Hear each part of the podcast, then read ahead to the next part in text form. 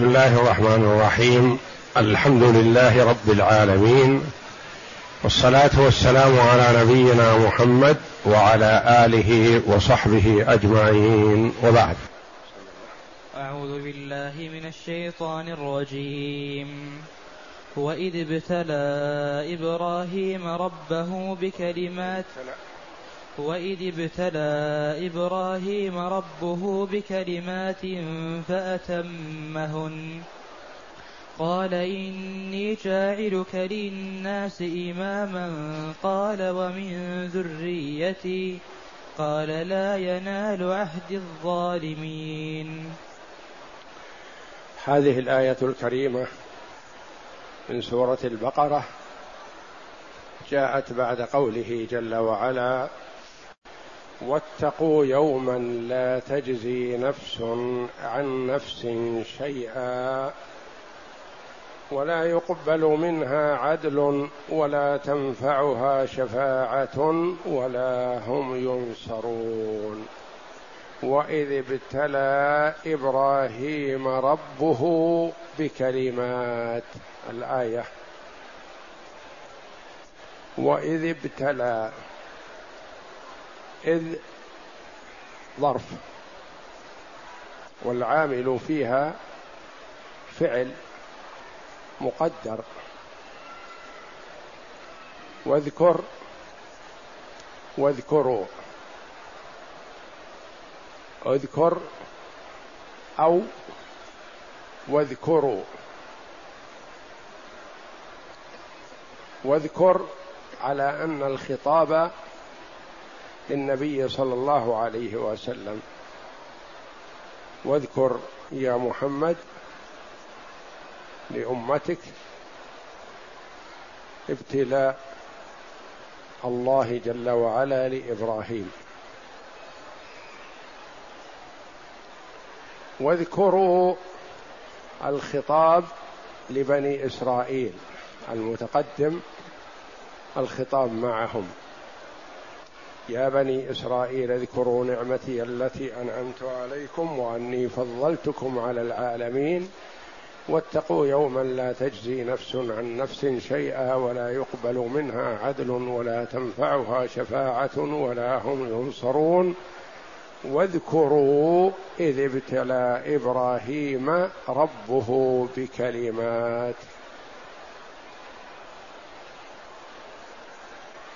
ابتلى بمعنى اختبر. والاختبار ليظهر ما عند المرء من حسن معتقد أو سوء معتقد من معلومات أو عدمها من فقه أو عدمه من إيمان أو معصية. والله جل وعلا عالم بما العباد عاملون قبل أن يخلقهم. اذا لماذا الابتلاء والامتحان؟ والله عالم بما العباد عاملون. لا تخفى عليه خافية. يعلم ما العباد عاملون قبل أن يخلقهم جل وعلا. نقول نعم هذا الاختبار والامتحان يستحقون على ما يظهر الثواب والعقاب لأن الله جل وعلا لا يعاقبهم قبل أن يعملوا الكفر والمعصية.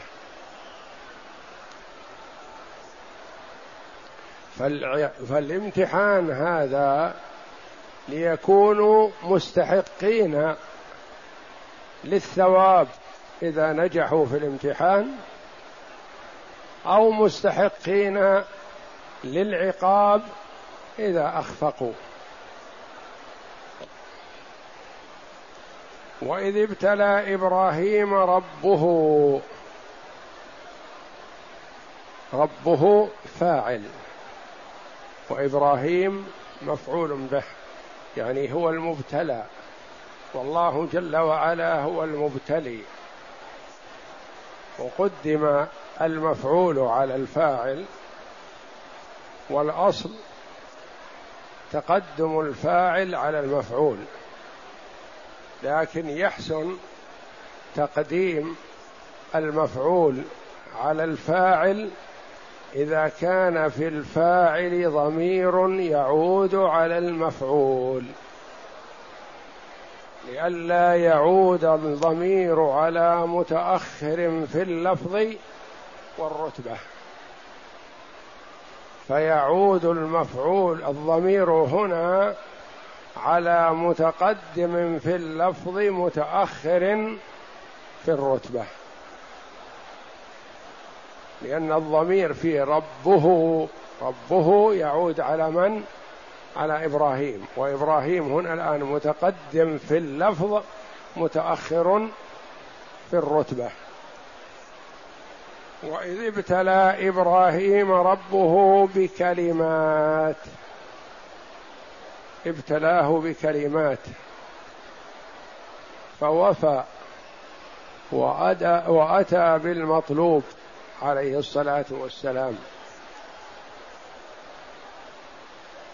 وكلمة إبراهيم بالسريانية قالوا معناها بالعربية أب رحيم.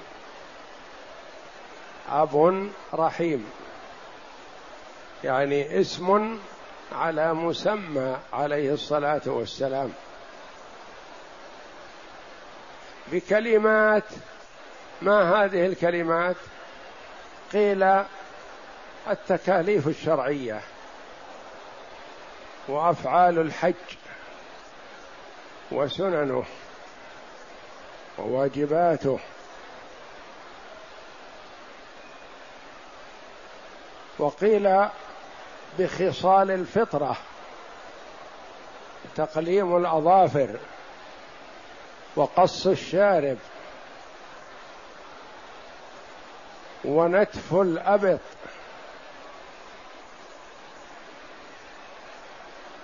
وأخذ العانة والختان والاستنجاء بالماء بعد الخارج. وإلا فالاستجمار قالوا من خصائص هذه الأمة. الاستجمار الاكتفاء بالحجارة أو التراب أو المنديل لمسح مكان الخارج من بول أو غائط والاكتفاء به عن الغسل بالماء. هذا من خصائص هذه الأمة. ويكون الاستجمار بثلاثة أحجار أو ثلاث مسحات بتراب أو منديل ونحوه. وقيل ابتلاه بما اختبره جل وعلا به من ما قام به من دعوة لقومه. ومخالفتهم إياه وصبره على ذلك ومحاجته للنمروذ وامتحانه بذبح ولده وأمره بالهجرة من الشام إلى مكة ونقل بعض ولده. وما أجمع عليه أهل الأرض من إحراقه بالنار وصبره على ذلك في ذات الله. وقيل غير ذلك. ولا منافاة بين هذه. والله جل وعلا ذكر أنه ابتلاه فنجح في هذا الامتحان. قال تعالى وإبراهيم الذي وفى فأتمهن يعني أتى بالمطلوب منه على أحسن وجه. اذكر يا محمد هذا النبي لمن حولك من المسلمين فهم يقتدون به والمشركين فهم يزعمون أنهم على دين إبراهيم واليهود الذين يزعمون أن إبراهيم يهودي والنصارى الذين يزعمون أن إبراهيم نصراني اذكره لهم بان هذه طريقته فيتبعوها فيكونوا أتباعه حقيقة. طريقة إبراهيم هي ما جئت به يا محمد فمن اتبعك فهو حق متبع لإبراهيم. ومن خالفك ايا كان فإنه مخالف لإبراهيم.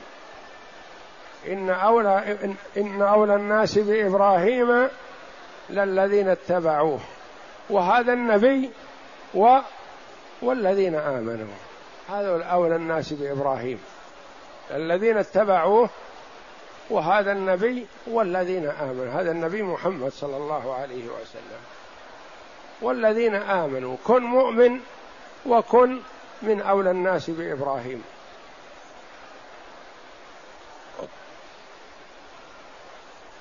وإذ ابتلى إبراهيم ربه بكلمات فأتمهن. أتم ما امتحن به. فماذا كان جزاؤه وثوابه على هذا الامتحان؟ قال إني جاعلك للناس إماما.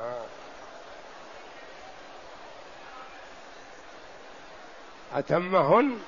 فقال الله جل وعلا له إني جاعلك للناس إماما. قال أي إبراهيم ومن ذريتي. وهذا من محبة الخير للآخرين.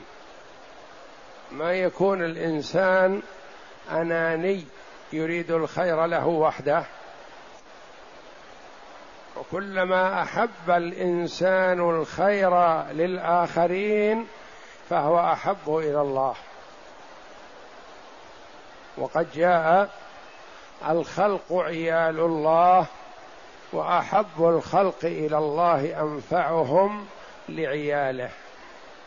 وليس المراد بعيال الله يعني أولاده تعالى الله فلا ولد له ولا والد. وإنما عياله الذي يعولهم جل وعلا فهو يربيهم بالنعم الحمد لله رب رب العالمين. فهو يربي العباد بخيره وفضله وإحسانه جل وعلا وينعم على مؤمنهم وكافرهم. الحمد لله رب العالمين يعني مربي العالمين المؤمنين والكفار والحيوان وغيرها. قال إني جاعلك للناس إماما يعني جاعلك قدوة للناس في الخير. ماذا يستفيد إبراهيم من هذا عليه السلام؟ يستفيد أن كل من عمل بعمل صالح مقتديا به فلإبراهيم مثل أجره. لأن من دعا إلى خير فله مثل أجور من اتبعه من غير أن ينقص من أجورهم شيء. وما عمل مسلم بطاعة إلا ولمحمد صلى الله عليه وسلم مثل أجره لأنه هو الذي دل على ذلك. وإبراهيم إمام في الخير يعني يقتدى به. وإذا عمل المقتدي خيرا فللمقتدى به مثل أجره. وإبراهيم عليه السلام ميزه الله بأن جميع الطوائف تزعم أن إبراهيم منهم وأنهم من أتباعه.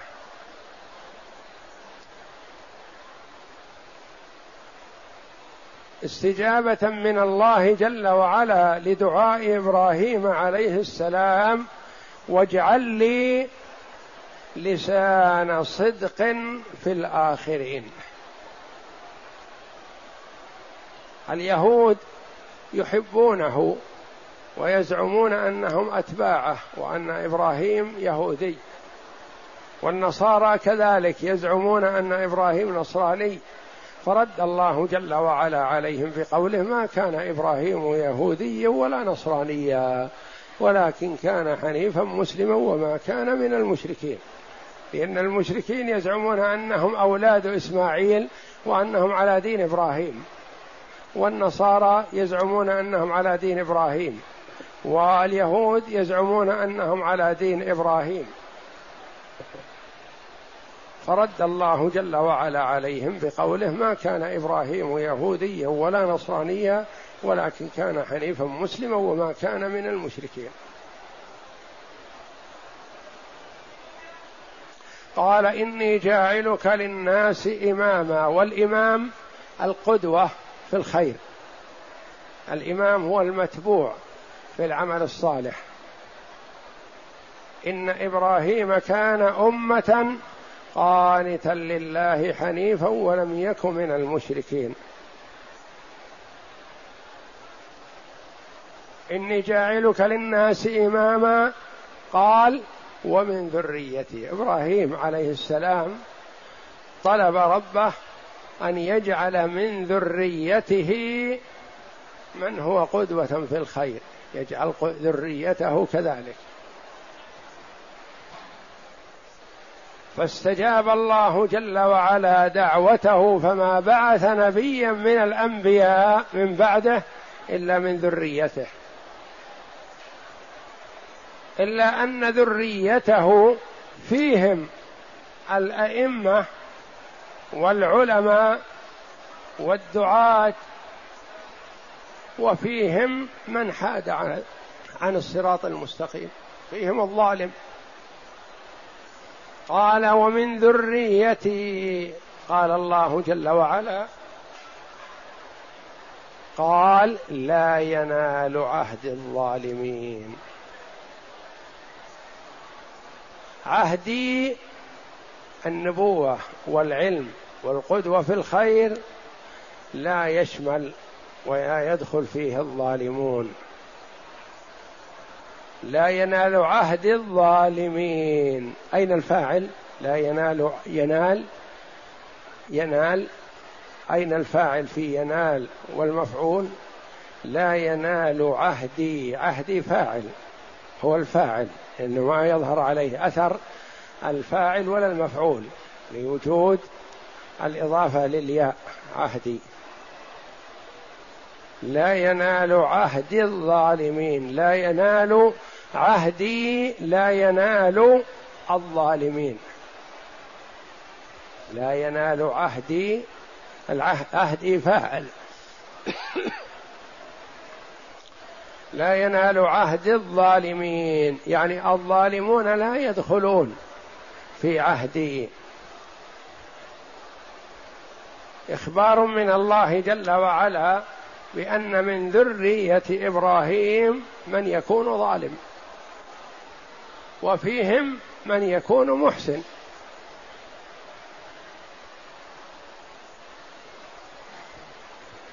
وقولهم من ذريتي من تبعيضية لأنه ما يناسب أن يكون كل الذرية أئمة. من اذا يقتدي؟ ذرية إبراهيم لصاروا كلهم أئمة. من المقتدي بهم؟ وقال ومن ذريتي. يجعل اجعل مثل يا رب ما جعلتني إماما فاجعل أناس من ذريتي يكونون أئمة. فكان هذا لكن الله أخبر أنه يوجد من ذرية إبراهيم من يكون ظالم. قال بعض العلماء الظالم لا يكون قدوة في الخير ولا يكون إماما وقال بعضهم هذا في الدار الآخرة. لا يدخل في ثواب الله جل وعلا. وأما في الدنيا فقد أخذ الولاية من هو ظالم.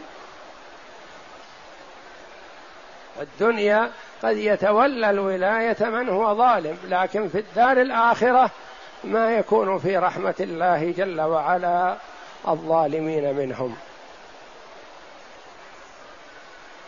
قال إني جاعلك للناس إماما. ثوابك على هذا الإتمام وما أتيت به من الخير أن جعله الله قدوة للناس في الخير.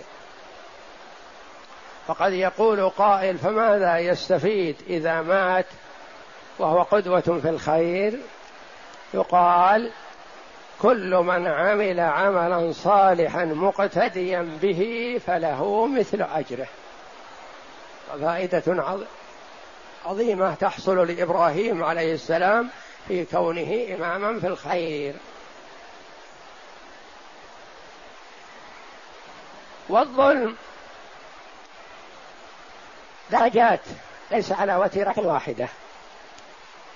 إذا أخذ شخص من آخر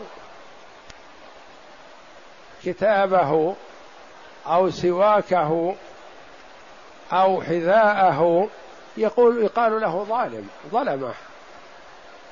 والكفر الذي هو الشرك بالله ظلم. فهو درجات يتفاوت بحسب حال المظلمة هذه. منه ما هو مخرج من الملة ومنه ما ليس بمخرج من الملة فالشرك ظلم عظيم كما قال الله جل, جل وعلا في كتابه العزيز عن لقمان أنه قال يا بني لا تشرك بالله إن الشرك لظلم عظيم فأظلم الظلم هو الشرك. ثم التعدي على الغير بأي نوع من أنواع التعدي يعتبر ظلم. لكن الظلم درجات متفاوت. منه ما هو ظلم شديد ومنه ما هو خفيف. مثل الفسق. كذلك إذا تعاطى الإنسان كبيرة من كبائر الذنوب أو أصر على صغيرة من الصغائر يقال له فاسق. والمشرك بالله يقال له فاسق. لكن فرق بينهما. يقول تعالى منبها على شرف إبراهيم خليله عليه السلام وأن الله تعالى جعله إماما للناس يقتدى به في التوحيد حين قام حين قام بما كلفه الله تعالى به من الأوامر والنواهي.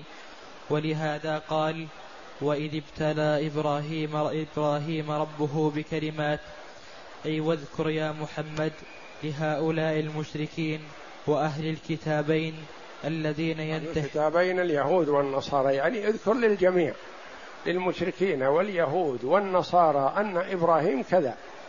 فمن صدق في اتباعه لإبراهيم فليتبع محمد صلى الله عليه وسلم. الذين ينتحلون ملة إبراهيم وليسوا عليها اذكر ينتحلونها. يعني يقول إننا على ملة إبراهيم والحقيقة والواقع أنهم ليسوا عليها لأنهم لو كانوا على ملة إبراهيم لسارعوا إلى اتباع محمد صلى الله عليه وسلم. اذكر لهؤلاء ابتلاء الله إبراهيم أي اختباره اختباره له بما كلفه به من الأوامر والنواهي فأتمهن أي قام بهن كلهن كما قال تعالى وإبراهيم الذي وفى أي وفى جميع ما شرع له فعمل به صلوات الله عليه. وقال تعالى إن إبراهيم كان أمة قانتا لله حنيفا ولم يك من المشركين شاكرا لأنعمه اجتباه وهداه إلى صراط مستقيم. وقال تعالى ما كان إبراهيم يهوديا ولا نصرانيا ولكن كان حنيفا مسلما وما كان من المشركين. إن أولى الناس بإبراهيم الذين اتبعوه وهذا النبي والذين آمنوا والله ولي المؤمنين. أولى الناس بإبراهيم ثلاث طوائف. للذين اتبعوه يعني اتبعوه قبل بعثة محمد صلى الله عليه وسلم وكان معه ومن ضمنهم لوط. عليه السلام فآمن له لوط فلوط من المؤمنين بإبراهيم عليه السلام إن أولى الناس بإبراهيم للذين اتبعوه وهذا النبي محمد صلى الله عليه وسلم والذين آمنوا إلى قيام الساعة نعم. نعم. وقوله تعالى بكلمات أي بشرائع وأوامر ونواهي فأتمهن أي قام بهن. قال تعالى إني جاعلك للناس إماما أي جزاء على جزاء على ما فعل كما قام بالأوامر وترك الزواجر. جعله الله للناس قدوة وإماما يقتدى به ويحتدى حذوه. وقد اختلف في تعيين الكلمات التي اختبر الله بها إبراهيم الخليل عليه السلام. فروي عن ابن عباس رضي الله عنه قال ابتلاه الله بالمناسك. وروي عنه قال ابتلاه بالطهارة خمس في الرأس وخمس في الجسد. في الرأس قص الشارب والمضمضة والاستنشاق والسواك وفرق الرأس. وفي الجسد يعني هذه الأمور تتعلق بالرأس. قص الشارب والاستنشاق والمضمضة وفرق الرأس هذه في الرأس. والسواك وأخرى في الجسد تقليم الأظافر ونتف الإبط وحلق العانة. نعم. والختان لأنه جاء أنه أول من اختتن عليه السلام ختن نفسه بالقدوم بالفاس. نعم. وفي الجسد تقليم الأظافر وحلق العانة والختان ونتف الإبط وغسل أثر الغائط والبول بالماء. وفي الصحيحين عن أبي هريرة يعني الاستنجاء بعد البول والغائط يغسل أثر ذلك بالماء. هذا من باب النظافة. وجعل الله جل وعلا لهذه الأمة الاستجمار يكفي عن الاستنجاء. فالاستجمار يكفي والاستنجاء أكمل والجمع بينهما أكمل. وقد اثنى الله جل وعلا على أهل قبى بقوله فيه رجال يحبون أن يتطهروا والله يحب المطهرين. سألهم النبي صلى الله عليه وسلم عن هذا الطهور الذي يستعملونه وأثنى الله عليهم به قالوا إنا نتبع الحجارة الماء. يعني بعد قضاء الحاجة البول والغائط نستجمر بالحجارة ثم نتبع هذا بالماء. وفي الصحيحين عن أبي هريرة رضي الله عنه عن النبي صلى الله عليه وسلم قال الفطرة خمس الختان والاستحداد وقص الشارب. الفطرة التي فطر الله الخلق عليها والأعمال الحسنة. نعم الفطرة خمس. نعم. وقص الشارب وتق... الفطرة خمس. الفطرة خمس. الختان. الختان وهي قطع الحشفة التي في أعلى الذكر لأنها تمنع من كمال الطهارة. ولهذا يجب الختان عند البلوغ عندما تجب الصلاة وقبل يستحب ومما يعايى بها فيقال مستحب أفضل من واجب يقال الختان. الختان في الصغر مستحب ويجب عند البلوغ وفعله في الصغر أفضل من فعله عند البلوغ. ومن ذلك السلام. يقال مستحب أفضل من واجب. إلقاء السلام مستحب ورد السلام واجب وإلقاؤه أفضل من رده. نعم. والاستحداد؟ الاستحداد يعني إزالة الشعر الخشن حول القبل بالحديد يعني بالموسى ويجوز بالنورة والمرهم وغيرها مثلا. لكن الاستحداد بالحديد أفضل لأنه يزيله ويزيل ما يعلق عليه من أوساخ. أه، أولى من النتف. نعم. وقص الشارب. كذلك قص الشارب من باب الطهارة والنظافة لأن المرء إذا طال الشارب وشرب فإنه ينزل الشارب في الماء والشارب عرضة للأوساخ. فينزل الشارب في الماء فيشرب من هذا الماء الشارب وغيره. فيتقزز منه والمرء يكره أن يشرب بعد شخص قد غمس شاربه في الماء. فأمر بقص الشارب. ومن سنة النبي صلى الله عليه وسلم إحفاء الشارب. وتقليم الأظافر. تقليم الأظافر لأن الأظافر إذا طالت تعلق بها الأوساخ. وجاء أن الشيطان يبيت فيها يبيت داخل الأظافر لأنها مكان وسخ يتعلق بها الأوساخ لأن المرء قد يمس يده بشيء وسخ فيعلق تحت الأظافر. فإذا غسل يده ما ينغسل. يبقى الذي تحت الظفر يبقى على حاله. وقد يمنع وصول الماء إلى البشرة فتكون الطهارة غير كاملة.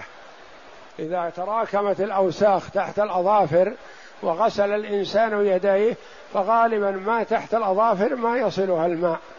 فالسنة تقليم الأظافر حتى لا يعلق فيها أوساخ. والأفضل أن يقلمها في كل أسبوع. والعانة لا تزيد عن أربعين يوما. ونتف الإفت كذلك الإبط يعلق فيها العرق ويكون في الكثير من الناس له رائحة كريهة. فإذا أزيل الشعر ما علق به شيء من الوسخ والروائح الكريهة. وقال عكرمة عن ابن عباس أنه قال ما ابتلي بهذا الدين أحد فقام به كله إلا إبراهيم عليه السلام. قال الله تعالى وإذ ابتلى إبراهيم ربه بكلمات فأتمهن. قلت له وما الكلمات التي ابتلى الله بها إبراهيم فأتمهن؟ قال الإسلام ثلاثون سهما منها عشر آيات في براءة. التائبون العابدون إلى آخر الآية. العابدون السائحون الراكعون الساجدون الآمرون بالمعروف والناهون عن المنكر والحافظون لحدود الله. نعم. وعشر آيات في أول سورة قد أفلح المؤمنون. قد أفلح المؤمنون الذين هم في صلاتهم خاشعون الآيات. نعم. وعشر آيات في الأحزاب. إن المسلمين والمسلمات إن المسلمين والمسلمات والمؤمنين والمؤمنات إلى قوله تعالى والذاكرين الله والذاكرات. نعم. إلى آخر الآية فأتمهن كلهن. وليس المراد بالآيات أنها عدد من الآيات هذه كلها مجموعة في آية واحدة. إن المسلمين والمسلمات والمؤمنين والمؤمنات والقانتين والقانتات والصادقين والصادقات والصابرين والصابرات والخاشعين والخاشعات والمتصدقين والمتصدقات والصائمين والصائمات والحافظين فروجهم والحافظات والذاكرين الله كثيرا والذاكرات كلها مجموعة في آية واحدة. والذاكرين الله كثيرا والذاكرات أعد الله لهم مغفرة وأجرا عظيما. نعم. فكتبت له براءة قال الله تعالى وإبراهيم الذي وفى. وقال محمد بن إسحاق عن ابن عباس رضي الله عنه قال الكلمات التي ابتلى الله بهن إبراهيم فأتمهن فراق قومه في الله حين أمر حين أمر بمفارقتهم.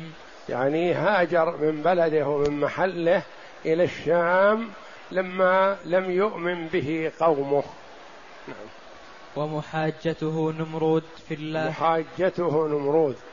حاجة لما قال أنا أحيي لما قال إبراهيم آه، للنمرود إن الله يحيي ويميت قال أنا أحيي وأميت.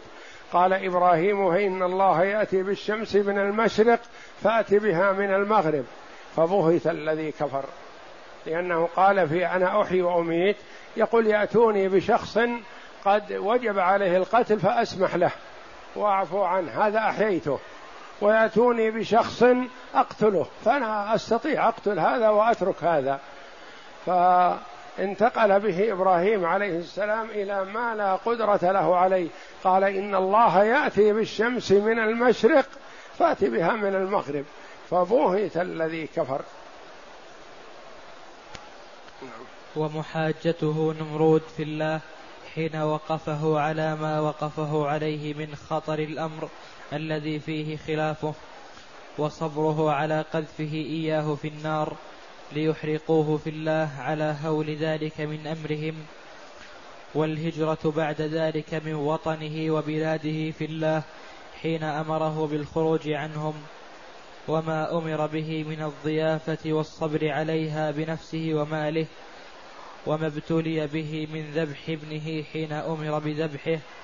فكان يقوم بالضيافة وجاء أنه ما كان يأكل طعامه وحده عليه السلام وينتظر بطعامه حتى يأتيه الضيف ليأكل معه. وجاء أن الله جل وعلا أرسل له ملائكة على صورة بشر فسارع عليه السلام وأحضر لهم الطعام. فقال لهم كلوا. قالوا نحن لا نأكل إلا شيء ندفع ثمنه. قال وهذا له ثمن. قالوا وما هو ثمنه؟ قال أن تسموا الله في أوله وتحمدوه في آخره. هذا الثمن الذي أريد منكم. فالتفت جبريل إلى صاحبه قال ربه أعلم به حين اصطفاه الله أكبر. قال وهذا له ثمن. الطعام الذي يقدم لكم له ثمن. قال وما هو ثمنه؟ غالي ولا رخيص؟ قالوا قال لهم تسموا الله في أوله وتحمدوه في آخره وهذا ثمن الطعام. نعم. فلما مضى على ذلك من الله كله وأخلص وأعظمها أو من أعظمها ابتلاء الله له بذبح ولده. كان عنده ولد وفرح به وما رزق الولد إلا وهو كبير وشيخ كبير. وبلغ معه السعي يعني يمشي ويذهب وينفع. ما هو صغير في المهد ولا هو كبير مستقل وبعيد عنه. في معه وحوله فابتلاه الله جل وعلا بذبحه. فسار عليه السلام للاستجابة وأخبر الإبن حتى يحتسب مثله. يا بني إني أرى في المنام أني أذبحك فانظر ماذا ترى. ما هو رأيك؟ تهرب؟ قال يا أبت افعل ما تؤمر ستجدني إن شاء الله من الصابرين. إن الله أعانني فأنا أصبر. فلما أسلما وتله للجبين. أسلما يعني استسلما لأمر الله جل وعلا. الأب والولد استجابوا. وتله للجبين جعل جبينه على الأرض حتى لا يرى عينيه. فيرحمه. يريد أن يسارع فيما أمر به. فلم تمض فيه السكين بأمر الله جل وعلا وفداه الله جل وعلا بذبح عظيم. نعم. فلما مضى على ذلك من الله فلما مضى على ذلك من الله كله وأخلصه للبلاء قال الله له أسلم قال أسلمت لرب العالمين على ما كان من خلاف الناس وفراقهم. وهل هذا الابتلاء والامتحان قبل النبوة أم بعدها؟ قيل قبلها وقيل بعدها وقيل منه ومنه. وهذا عل هذا هو الأقرب. حينما نظر في الكواكب هذا قبل النبوة. وحينما أمر بذبح ولده هذا بعد النبوة. وحين محاجته للنمرود بعد النبوة وصبره على الإحراق في النار بعد النبوة. نعم. وعن الربيع بن أنس قال الكلمات إني جاعلك للناس إماما وقوله وإذ جعلنا البيت مثابة للناس وأمنا وقوله تعالى واتخذوا من مقام إبراهيم مصلى وقوله تعالى وعهدنا إلى إبراهيم وإسماعيل الآية وقوله تعالى وإذ يرفع إبراهيم القواعد من البيت وإسماعيل الآية. يرفع إبراهيم وإذ يرفع إبراهيم القواعد من البيت وإسماعيل الآية. قال فذلك كله من الكلمات التي ابتلي بهن إبراهيم عليه السلام وفي الموطأ وغيره. عن يحيى بن سعيد أنه سمع سعيد بن المسيب يقول إبراهيم عليه السلام أول من اختتن وأول من ضاف الضيف وأول من قلم أظفاره وأول من قص الشارب وأول من شاب. فلما رأى الشيب قال من شاب يعني الشيب في الشعر. قال يا رب ما هذا؟ قال نور. قال رب زدني منه. يريد الزيادة من النور. نعم. وأول من شاب فلما رأى الشيب قال ما هذا؟ قال وقارا. قال يا رب زدني وقارا. قال أبو جعفر بن جرير ما حصله؟ أن إنه ما حاصله. ما, ما حاصله. إنه يجوز أن يكون المراد المراد بالكلمات جميع ما ذكر وجائز أن يكون بعض ذلك. يقول ابن كثير رحمه الله عن ابن جرير رحمه الله إمام المفسرين محمد بن جرير رحمه الله نعم. ولا يجوز الجزم بشيء منها أنه ما المراد. يجوز الجزم بأن الكلمات هذه أو هذه ما دام ما ورد شيء في القرآن ولا في السنة الصحيحة وإنما الوارد فيه أقوال عن الصحابة والتابعين. رضي الله عن الصحابة ورحم الله التابعين. ولا يجوز الجزم بشيء منها أنه المراد على التعيين إلا بحديث أو إجماع. قال ولم يصح في ذلك خبر بنقل الواحد ولا بنقل الجماعة الذي يجب التسليم له. ولما جعل الله إبراهيم إماما سأل الله أن تكون الأمة من بعده من ذريته فأجيب إلى ذلك وأخبر أنه سيكون من ذريته ظالمون وأنه لا ينالهم عهد الله ولا يكونون أئمة فلا يقتدى بهم. قال ومن ذريتي؟ قال لا ينال عهد الظالمين. والدليل على أنه أجيب إليه طلبه قوله تعالى في سورة العنكبوت وجعلنا في ذريته النبوة والكتاب فكل نبي أرسله الله وكل كتاب أنزله الله أنزله الله بعد إبراهيم ففي ذريته صلوات الله وسلامه